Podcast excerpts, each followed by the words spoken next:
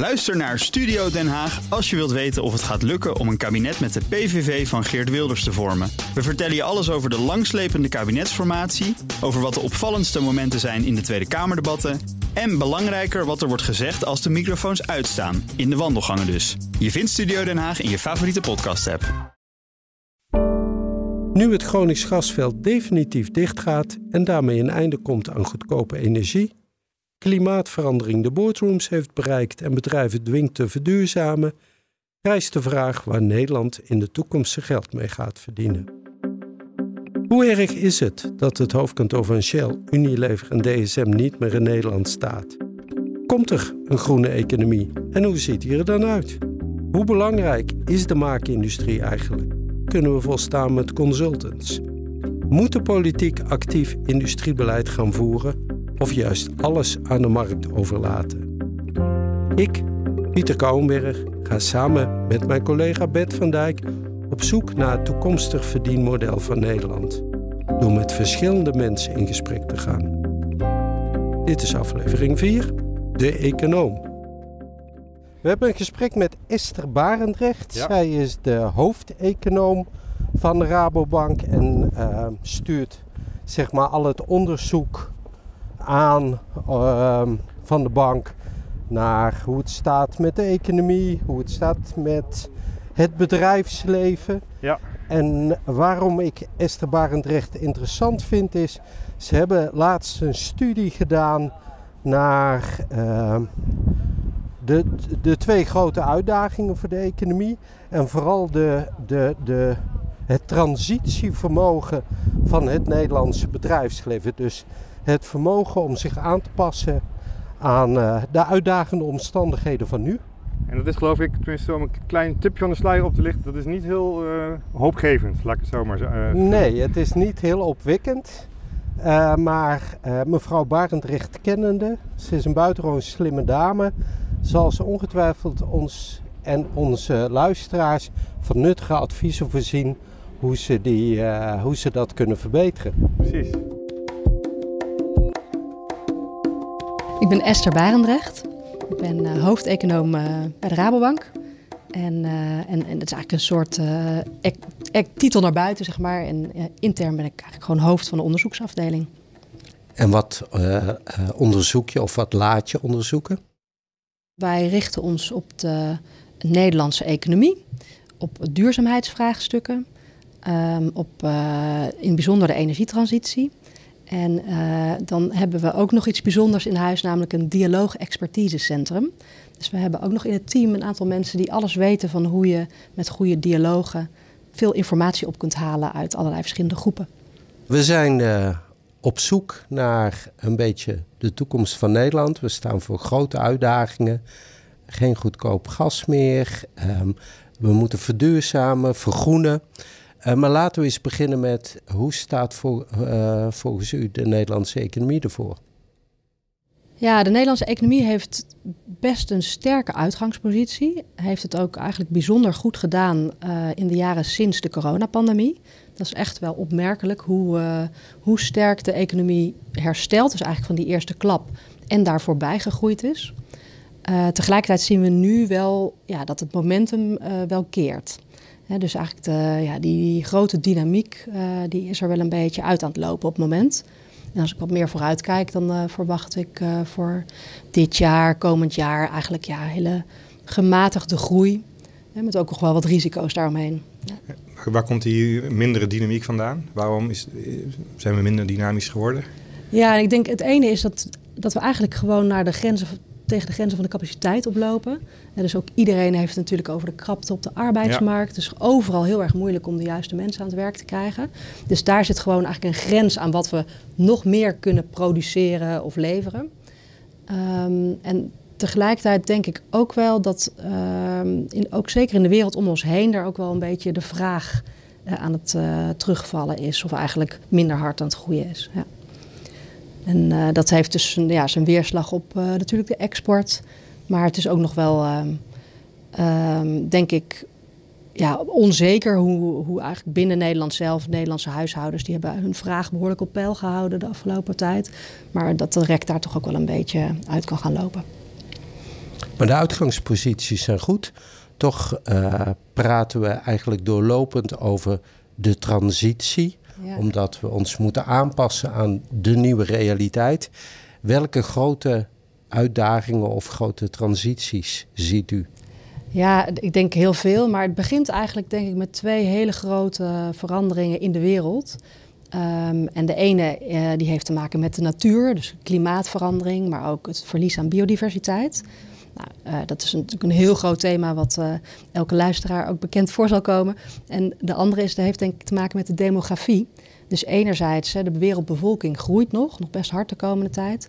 En anderzijds in bepaalde delen van de wereld, zeker het Westen, hebben te maken met vergrijzing. En ja, dat, dat doet ook heel veel achter de schermen met de, met de economie. Dus die twee uit, ja, grote ontwikkelingen, die zorgen ervoor dat er ook hele grote transities nodig zijn. En ehm, ja, de een is dan de transitie naar een duurzamere wereld, een duurzamere economie. De energietransitie speelt daar een hele belangrijke rol in. Um, ik denk ook goed om te noemen de voedseltransitie die nodig is. dus om al die tegen 2050 10 miljard mensen te voeden, eigenlijk binnen de grenzen die de natuur, natuur toestaat. Daar zitten we nu al buiten.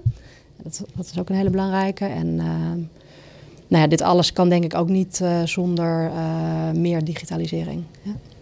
En wat betekent die digitalisering? Meer robots? Ja, digitalisering gaat over heel veel dingen. Hè. Dus het gaat natuurlijk over um, dat we steeds meer data gebruiken en ook slim gebruiken. daar zit ook een uitdaging waar we het misschien straks nog kunnen, over kunnen hebben. Uh, maar het gaat inderdaad ook over dat je bepaalde processen automatiseert en soms ook mensen laat vervangen door robots op, uh, op bepaalde plekken. Ja. En natuurlijk, uh, nou ja, artificial intelligence is helemaal in. daar weten we denk ik eigenlijk nog helemaal niet genoeg van om dat goed te kunnen overzien. Tenminste, ik niet. het zijn hele grote transities. Ja. klimaatverandering, verlies aan biodiversiteit, vergrijzing. dat, daar moeten we wat aan doen. Maar de kunst is natuurlijk voor Nederland, hoe gaan we daar ook geld aan verdienen? Hoe kunnen we daar uiteindelijk een uh, verdienmodel van maken misschien wel? Ja. En nou ja, waar moet Nederland, hoe moet Nederland dat doen? Welke sectoren of hoe kan Nederland daar, uh, daaraan gaan verdienen? Ja, kijk, je verdient eraan als, je, eh, als het je lukt om op bepaalde terreinen uh, slimmer of beter te zijn dan je concurrentie. Hè? Dat, is, dat is zeg maar de, de kunst. En dat kunnen we absoluut niet op al die terreinen. Dus uh, Nederland uh, ja, die zal toch bepaalde specialisaties daarin ook moeten gaan ontwikkelen. Maar hoe, gaat, is dat iets natuurlijks? Gaan we dat de markt laten doen? Of moet, heeft de overheid daar een rol? Ja, ik denk beide. Dus um, hoe het vaak gebeurt is zeg maar dat het een beetje uh, de ontwikkeling gebeurt in aanpalende gebieden van dingen waar je toch al goed in bent. Hè? En dan heeft daarnaast denk ik ook de overheid zeker een belangrijke rol. Um, als je dat uh, ja, in voorbeelden zou vertalen, uh, nou ja, bijvoorbeeld Nederland is natuurlijk altijd heel goed geweest in het, in het omgaan met het vele water om, om zich heen. We hebben bedrijven die daar op zee, hè, denk aan de baggeraars bijvoorbeeld. En je ziet dat dat soort bedrijven nu ook een belangrijke rol gaan spelen in de offshore windenergie. En die hebben ook veel offshore olie en gas gedaan. Maar die gaan nu natuurlijk uh, ja, hun activiteit ook verleggen naar duurzame alternatieven waar eigenlijk de toekomst ligt. Ja. Dus dat, zijn, ja, dat is een beetje het soort mechanismes. Ja, en, en welke echt, hè, van wat worden nou echt de winnaars van de toekomst? Ja, dat vind ik ook moeilijk om te zeggen. Ja, precies. U heeft uh, als Rabobank een onderzoek laten doen uh, bij bedrijven om te vragen of ze klaar zijn voor de transitie, of ze hem aankunnen. Uh, wat leverde ja. dat aan inzichten op? Misschien eerst even wat de aanleiding is voor dat onderzoek. Is dat we in het najaar hebben we een heel aantal ehm, dialogen gevoerd met ondernemers over de vraag van ja, wat is er nou nodig voor, om duurzamer te ondernemen en wat helpt. En uh, daarbij kwam ook eigenlijk naar boven dat uh, de voorlopers uh, op, op duurzaam ondernemen die zeiden. Wij denken dat zo'n 40% van de Nederlandse bedrijven eigenlijk niet in staat is om die, deze transities die op ons afkomen te, door, te doormaken, zeg maar. Door te, door, ja, om daarin mee te gaan. En dat vonden wij ja, wel een uh, interessante stelling. En dus, Schokkend. Precies, ja, ja, ja, ook ergens wel. Dus we hebben die vragen, we hebben daar gewoon vervolgens een onderzoek naar uitgerold via vragenlijsten. 1500 bedrijven in alle sectoren, van groot naar klein. hebben we ehm, gevraagd naar duurzaam ondernemen, maar ook naar eigenlijk hun, uh, hun verandervermogen. Dus zijn zij goed in staat om te zien wat er in de omgeving verandert, wat dat betekent uh, voor het bedrijf zelf. En, um, en om, om vervolgens ook ja, te implementeren in bedrijf wat nodig is om daarop in te springen. Um, en dan zie je eigenlijk dat er een relatie is tussen, ook niet verrassend, hè, tussen hoe duurzaam bedrijven zeggen te ondernemen en hoe ze op deze factoren scoren. En daarmee kun je eigenlijk, je kunt het niet één op één op elkaar zetten, maar je kunt wel een beetje inschatten van nou, als je dan uh, een bepaalde score wilt zien op verandervermogen, zeg een 6, een voldoende, nou, dan kunnen we zien dat bij alle Nederlandse bedrijven zo'n 40% kwetsbaar zal zijn. Omdat, uh, een onvoldoende score tussen ja, eigenlijk. Dus als een 6, en ik zei uh, op duurzaam ondernemen, ja. ja en dan on, dus, ja, dus eigenlijk 40% kwetsbaar is. Ik denk dat dat het, de juiste, het juiste woord is. Nou, en dan zien we vervolgens natuurlijk uh, ook niet verrassend dat dat bij meer het geval is bij kleine bedrijven. Maar ook nog steeds toch wel bijna een derde van grote bedrijven kwetsbaar is. En wat, wat is die kwetsbaarheid precies? Waarom zijn die bedrijven kwetsbaar? Is dat omdat ze niet genoeg informatie hebben of de ernst van de situatie niet kennen? Of is het echt het vermogen om niet om te kunnen veranderen? Te doen. Ja. ja, ik denk sowieso hè, dat hier zitten nog heel veel vragen omheen die wij ook nog niet beantwoord hebben en waar ik zelf ook nieuwsgierig naar ben. Uh, de, het begint al met de vraag van hoe erg is dit nu eigenlijk? Hè? Want het klinkt heel schokkend, maar hoe was het in het verleden? Um, je hebt natuurlijk in een economie altijd uh, een aantal bedrijven die niet mee zullen kunnen en die verdwijnen gewoon, dat hoort er ook bij. Maar eh, gevoelsmatig is het toch wel een grote groep. Um, en dan vraag je van ja, wat bepaalt dit nu eigenlijk? Nou, dan hebben we gezien dat een paar um, factoren wel lijken, een verklarende rol lijken te hebben. Uh, en een hele belangrijke daarin is eigenlijk ja, hoe eigenlijk het management van het bedrijf is ingericht. En dan gaat het dus niet over de mensen, hè, niet wie is er de baas, maar gaat het over van ja, hoe zijn gewoon de processen ingericht? Heb je, heb je allerlei dingen die uh, gewoon going concern zijn, heb je die gewoon goed ingeregeld, zodat die redelijk vanzelf gaan. En zodat je ook ja, managementcapaciteit over hebt om natuurlijk je op de buitenwereld te richten en uh, daarop te kunnen handelen. Dus dat is, een, ja, dat is wel een belangrijke bevinding uit, dat, uit dat onderzoek. En hoe gaan we dat doen? Hoe gaan we die managers, ja. ja of in ieder geval de processen eromheen, hoe gaan we ja. zorgen dat ze meer tijd hebben en ook ehm, nou ja, die uh, zichzelf zeg maar, klaarmaken om die transitie die, door ja. te maken. Ja, de, kijk, uh, er zit denk ik sowieso een opdracht gewoon voor opleidingen en trainingen. Um, en dat kan overigens een bedrijf ook zelf doen, maar we kunnen daar ook met elkaar, ja, denk ik, in faciliteren. Een hele belangrijke uh, les die wij ook echt wel hebben geleerd is dat er echt een grote rol is voor regionale ecosystemen. dus we zijn geneigd uh, om, als we het over de overheid hebben, om heel snel naar Den Haag te kijken. Maar er gebeurt eigenlijk heel veel economische dynamiek in de regio. En uh, dan helpt het enorm als daar ja, bedrijven goed met elkaar samenwerken.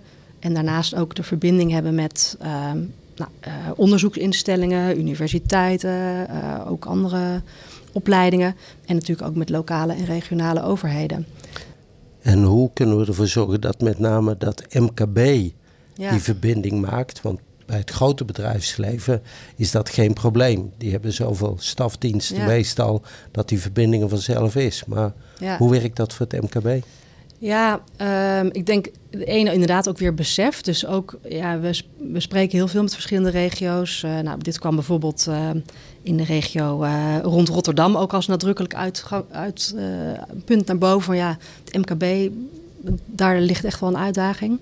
Um, en ik denk dat er um, een heel natuurlijk aanknopingspunt om elkaar op te zoeken ligt in de keten. dus bedrijven concurreren niet alleen met elkaar, maar ze leveren ook aan elkaar. En uh, daar hebben ze. Daar komen ze met elkaar in contact. En hebben ze ook uh, belangen die deels op elkaar aansluiten. Dus volgens mij kun je daar ook heel goed op zoek naar ehm, ja, wat kun je ook van elkaar leren. en ik denk um, dat ja, bijvoorbeeld nou ja, hè, de, heel bekend voorbeeld is natuurlijk de regio Eindhoven, waar hele hoogtechnologische ja, hub eigenlijk zit. En waar ook heel veel in in de keten met elkaar wordt samengewerkt. Maar het is denk ik ook, um, die keten samenwerking is ook echt essentieel voor verduurzaming. Dus als je aan het eind van je, dus als je je consumentenproducten uh, duurzaam uh, wil laten zijn, ja, dan moet je eigenlijk al helemaal aan het begin van de keten uh, bij het ontwerp daar de juiste beslissingen voor hebben genomen. En ja, dat pleit heel erg voor door die keten op dat soort dingen met elkaar samenwerken.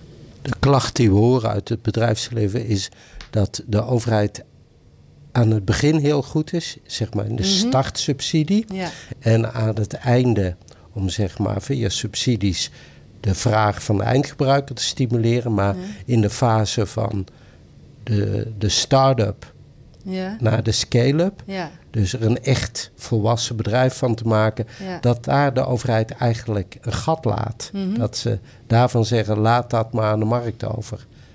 Is dat iets wat dan een bank moet oppakken? Of moet de overheid juist zijn uh, steunpakket uh, verlengen? Banken financieren heel graag op het moment dat ze overzicht hebben over van nou hoe oh, eigenlijk goed inzicht hebben in de risico's. Dat is denk ik vooral heel uh, belangrijk. En in die vroege fase is dat gewoon nog best wel lastig. Um, dus in het opschalen, ja, daar, dan heb je het vaak over een soort onrendabele top ja, waar eigenlijk het gewoon moeilijk is om de financiering rond te krijgen. En dan heb je ofwel uh, financiers nodig met een echt een stevige risk appetite, zeg maar.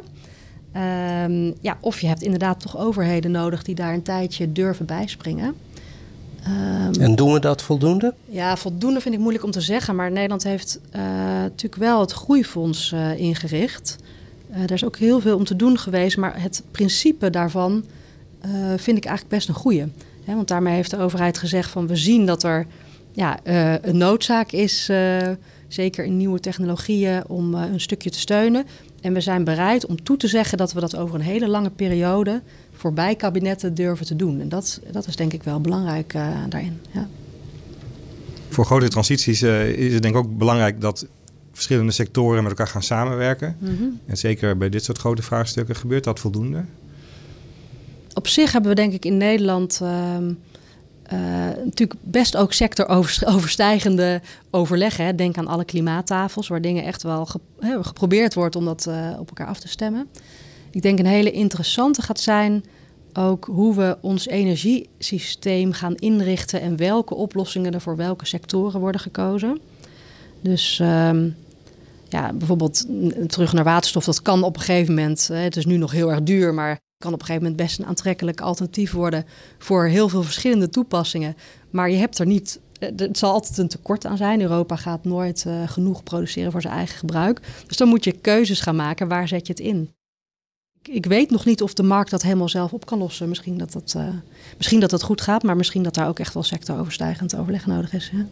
Is dit uh, de grootste uitdaging sinds Wereldoorlog 2 of misschien wel sinds de mensheid? Nou, ja, nou, um, de klimaatverandering, ja, dat is, denk, dat is misschien wel de grootste sinds de mensheid. Omdat het ook echt zo uh, allesomvattend is.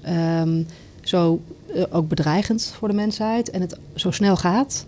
En, uh, en het vraagt natuurlijk enorm veel van, van de mensheid. Want er moet gewoon op alle vlakken samengewerkt worden om het op te lossen. Dus uh, ja, ik denk dat, dat we dat wel zou ik niet gek vinden om het zo te noemen, inderdaad. Ja. Dus ja. klimaatverandering is echt de belangrijkste uitdaging. Het is niet, zijn natuurlijk, je kunt ook zorgen ja. hebben over uiteindelijk het verdienvermogen van Nederland. En dan, ja.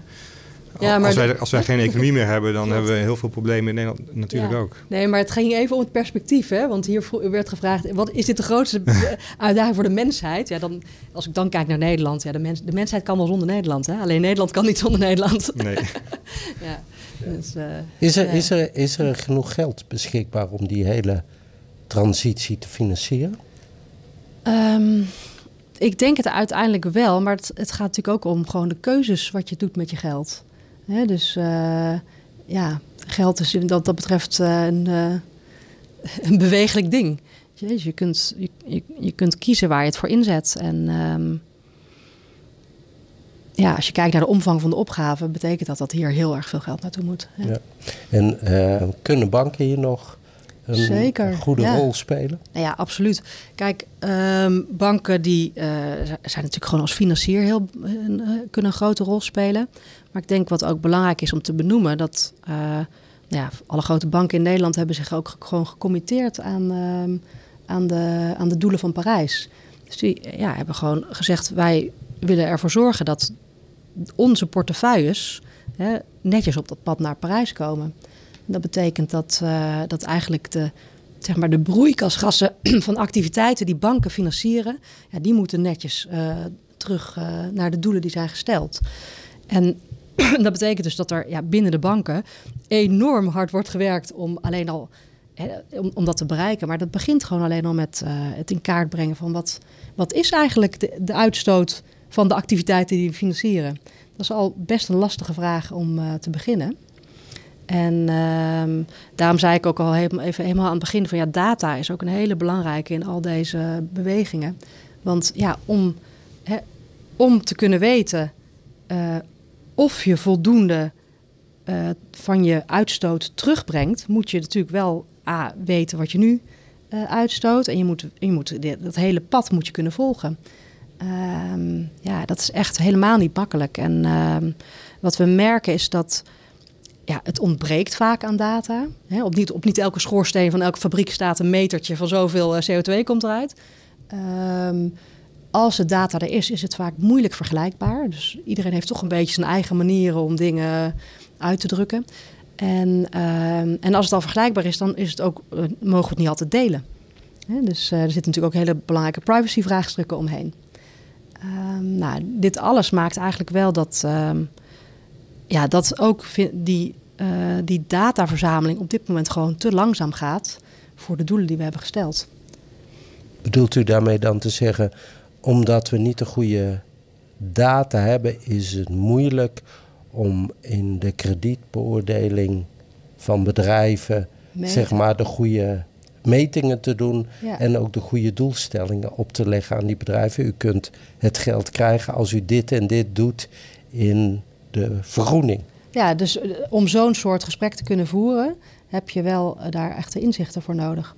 En uh, kijk, en wat we bijvoorbeeld wel doen, hè, dus nou ja, um, bijvoorbeeld banken zijn natuurlijk ook grote hypotheekverstrekkers. Uh, dus het is heel belangrijk om te weten wat is eigenlijk het energieverbruik van, uh, van, al die, van al die woningen. Nou, dat weten we nu niet, want, want als bank heb je geen toegang tot de data van het energieverbruik. Nou, proberen we dat samen, hè, met allerlei partijen samen op te lossen. Een neutrale plek te vinden waar we dat energieverbruik kunnen neer, die data kunnen neerzetten, dat kunnen koppelen aan de portefeuilledata van de bank. Uh, zonder dat, uh, hè, dat ze aan die kant kunnen zien wat die portefeuilledata is, zonder dat wij weten wat er in die huizen gebruikt. En dan toch daar die inzichten uit te halen. Maar je moet je voorstellen, dit is, uh, een, lang, dus echt een lang traject. Heel ingewikkeld om dat goed te kunnen doen. En om dat ook niet alleen technisch, maar ook natuurlijk juridisch nou, als je dat voor elk stukje van de economie zo moet gaan uitvogelen, dan zijn we nog wel even bezig. Maar iedereen heeft daar toch belang bij. Hè? De, ja. de, uh, ja. Jullie kunnen een korting geven op de hypotheek als ik investeer in uh, um, um, minder energieconsumptie. Uh, dus ik ben blij. jullie zijn blij, want je loopt minder risico met het huis. En de energieleverancier is misschien iets minder blij, want die ziet zijn omzet naar beneden gaan. Maar wat, wat is dan de bottleneck? Dat de overheid zegt, jullie mogen die data niet met elkaar delen? Ja, dus er zitten bottlenecks, dus ik denk technisch, hè, van je moet het aan elkaar koppelen op een, uh, op een uh, neutrale plek, maar dat kan wel. Uh, en inderdaad, van ja, je moet met elkaar die samenwerking opzetten. Je moet elkaar vinden. je moet afspraken maken. En het moet dan ook nog inderdaad juridisch netjes allemaal mogen en, en aan de privacyregels voldoen. En kan de overheid hier een versnelling teweeg brengen? Nou ja, wat ik eigenlijk zou hopen is dat we op een gegeven moment een soort model vinden uh, hierin. Uh, wat je gewoon uit kan rollen. Dus dat het, dat het niet elk, voor, alle, voor alles weer een nieuwe pilot moet zijn. Maar dat je inderdaad een model waarbij de overheid duidelijkheid geeft over van nou, op, op welke gebieden mag je wel samenwerken. En wanneer mag het niet vanwege concurrentie of uh, privacyregels. Eh, en daar ook een beetje eh, ja, ruimte in geeft waar mogelijk. U, u, u, noemde het voorbeeld van de hypotheken, maar ik neem aan dat dat voor de kredietverlening aan het bedrijfsleven hetzelfde geldt. Ja, zeker. Nee, dus uh, kijk, uh, um, eigenlijk voor alle, voor alle processen in de economie gaan gepaard met, met uitstoot. Dus ehm, de productie van vloeren, ehm, huizen, gewoon chemische processen in de chemische industrie. Eigenlijk voor alle, voor alle activiteit heb je die emissiedata nodig. Volgens veel activisten waarschijnlijk gaat dat natuurlijk niet snel genoeg. Um, en, en, jullie, maar andere banken, iedereen investeert natuurlijk ook nog gewoon in olie en gas, um, in, in, bestaande projecten. Moet je daar dan niet gewoon als eerste helemaal mee stoppen? Nou, um, kijk, eh, wat, wat, duidelijk is, er zijn natuurlijk dingen waarvan je niet precies hoeft te meten, maar toch weet dat het de goede kant op gaat. Ja. dus volgens mij die dingen kun je sowieso doen. Um, maar om echt uh, op, over de hele breedte van de economie te weten wat werkt, daar heb je wel degelijk heel veel uh, ja, meten voor nodig. Ja. ja. en dat kost tijd. Um, dat kost tijd, ja. ja. Zijn de normen zo dat jullie ook genoeg mogen en kunnen lenen aan groene initiatieven? Ja, waar het dan over gaat, de normen die, waar, je, waar je eigenlijk naar vraagt, is eigenlijk, dat heet uh, de prudentiële regelgeving voor banken. Hè. Dus dat gaat erover, neemt een bank niet te grote risico's en uh, kan, uh, kan die netjes ook de mensen wie, die geld hebben gestald bij de bank netjes terugbetalen. Dat is de basis daarvoor eigenlijk. En kijk, die normen die, zeggen, die leggen op zich helemaal niets in de weg aan groen investeren. Maar um, die vragen wel dat je je risico's goed kan inschatten. En uh, dus, dus voor groene investeringen, net als voor andere investeringen, geldt dat je dat gewoon heel goed moet kunnen doen. Nou, en als het dan gaat over echt nieuwe technologie bijvoorbeeld, dan is dat lastiger. Ja. Als we het hebben over de transitie, dan hebben we het ook uh, over regelgeving en over de overheid. Ja. Um, en nou, ik sprak laatst met een afvalverwerker en die loopt tegen regelgeving aan dat hij heel graag zijn reststromen wil gebruiken om daar weer nieuwe producten van te maken. Maar dat kan dan niet omdat het bepaalde stoffen worden gekwalificeerd als afval. En nou ja, er zijn bepaalde wetten waar die tegenaan loopt. Ja, nee, de, ja heel herkenbaar. Kijk, uh, nou, we spraken bijvoorbeeld ook collega's, uh, recent een ondernemer in de medische wereld. En wat daar gebeurt is dat we hè, voor operaties worden heel erg dure instrumenten gebruikt. Um, en die moeten gewoon vervolgens weggegooid en zelfs verbrand worden. Daar schijnen we zelfs een centrale afvalverbrandingsinstallatie voor te hebben in Nederland. Terwijl daar zitten heel erg kostbare uh, en goed herbruikbare materialen in. En uh, ja, dus daar staat inderdaad in zo'n geval staat dan wet en regelgeving in de weg. Um, nou kun je die altijd wel weer aanpassen op het moment dat je echt een casus hebt. Dus dat is op zich denk ik niet, uh, niet eens het allerlastigste. Maar het begint al met eigenlijk de experimenteerruimte om, om eens even te kunnen kijken van, goh, kunnen we hier niet iets mee? En daar zit de weg al in de weg. Dus ik denk inderdaad, in heel veel van deze ja, uh, dingen hebben we, uh, hebben we ook meer experimenteerruimte nodig om de stappen te kunnen maken naar iets echt goed regelen. En de, en de overheid heeft daar een rol om die experimenteerruimte, uh, om daar ruimte voor te geven. Ja, ja, ja, ja. een soort ja, zandbak, hè, noemen ze dat wel eens geloof ik, een zandbak creëren voor bepaalde activiteiten, ja, om in te spelen. Dat zou eigenlijk het advies zijn wat u de Nederlandse overheid zou meegeven. Creëer, een creëer meerdere zandbakken om uh, de transitie ja. uh, om, te stimuleren. Ja, precies. Om te, om, te, om, te spe om te spelen, om te experimenteren, om samen te spelen ook vooral. Ja. Zonder dat ja. je eerst uh, tientallen vergunningen moet hebben. Ja, dat, dat zou een hele mooie droom zijn. Ja. Zo Bert, wat was je afdronk? Nou, uh, ja, dat er grote transities aankomen. Uh, dat weten we natuurlijk al, maar daar maakt ze zich wel grote zorgen over. Um, en waarom maakt ze zich grote zorgen? Heeft ze er genoeg vertrouwen in nou, dat wij als mensen dat aankunnen? Nou ja, ze hebben zelf onderzoek laten doen en dan blijkt niet echt een hele grote uh, zelfvertrouwen van bedrijven zelf om, om het uh, te gaan doen, zeg maar, die transitie. En dat heeft met allerlei factoren te maken. Maar dat vond ik wel interessant, dat, wat ze daarover zei. En wat ik ook wel aardig vond, is dat ze zijn dus heel erg bezig om te kijken van als je investeert of geld verschaft. Um, ja, hoe kun je dan ook daar meten uh, dat je CO2-uitstoot van, die, van waarin je investeert, de bedrijven of de huishoudens, als het over hypotheken gaat, um, zodat je ook kan voortgang kan rapporteren over CO2. Maar dat betekent wel dat je heel veel data nodig hebt en dat Dat, dat is een hele lange weg, maar dat, nou ja, het raakt natuurlijk ook wel aan privacy. Dat kan natuurlijk op een gegeven moment heel ver gaan ook. Dus dat uh, ja, vond ik ook wel interessant. Dankjewel voor het luisteren. Volgende week praten we met Sander Zondag. Hij leidt OBAM, een groot Nederlands investeringsfonds. Wat is het voordeel van een staalbedrijf in Nederland met beperkte ruimte? En ja, met name de afvalkant. Ik kan me dat voorstellen, dat is gewoon niet, niet handhaafbaar. Redactie en montage van deze aflevering is in handen van Jilda Bijboer, Pieter Kouwenberg en Bert van Dijk. Dank aan Hella Huuk, Anouk Turkenburg en Paulien Sewuster. Ook Bas van Werven vind je in de BNR-app. Ja, je kunt live naar mij en Iwan luisteren tijdens de ochtendspits. Je krijgt een melding van Breaking News. En niet alleen onze podcast Ochtendnieuws, maar alle BNR-podcasts vind je in de app. Download nu de gratis BNR-app en blijf scherp.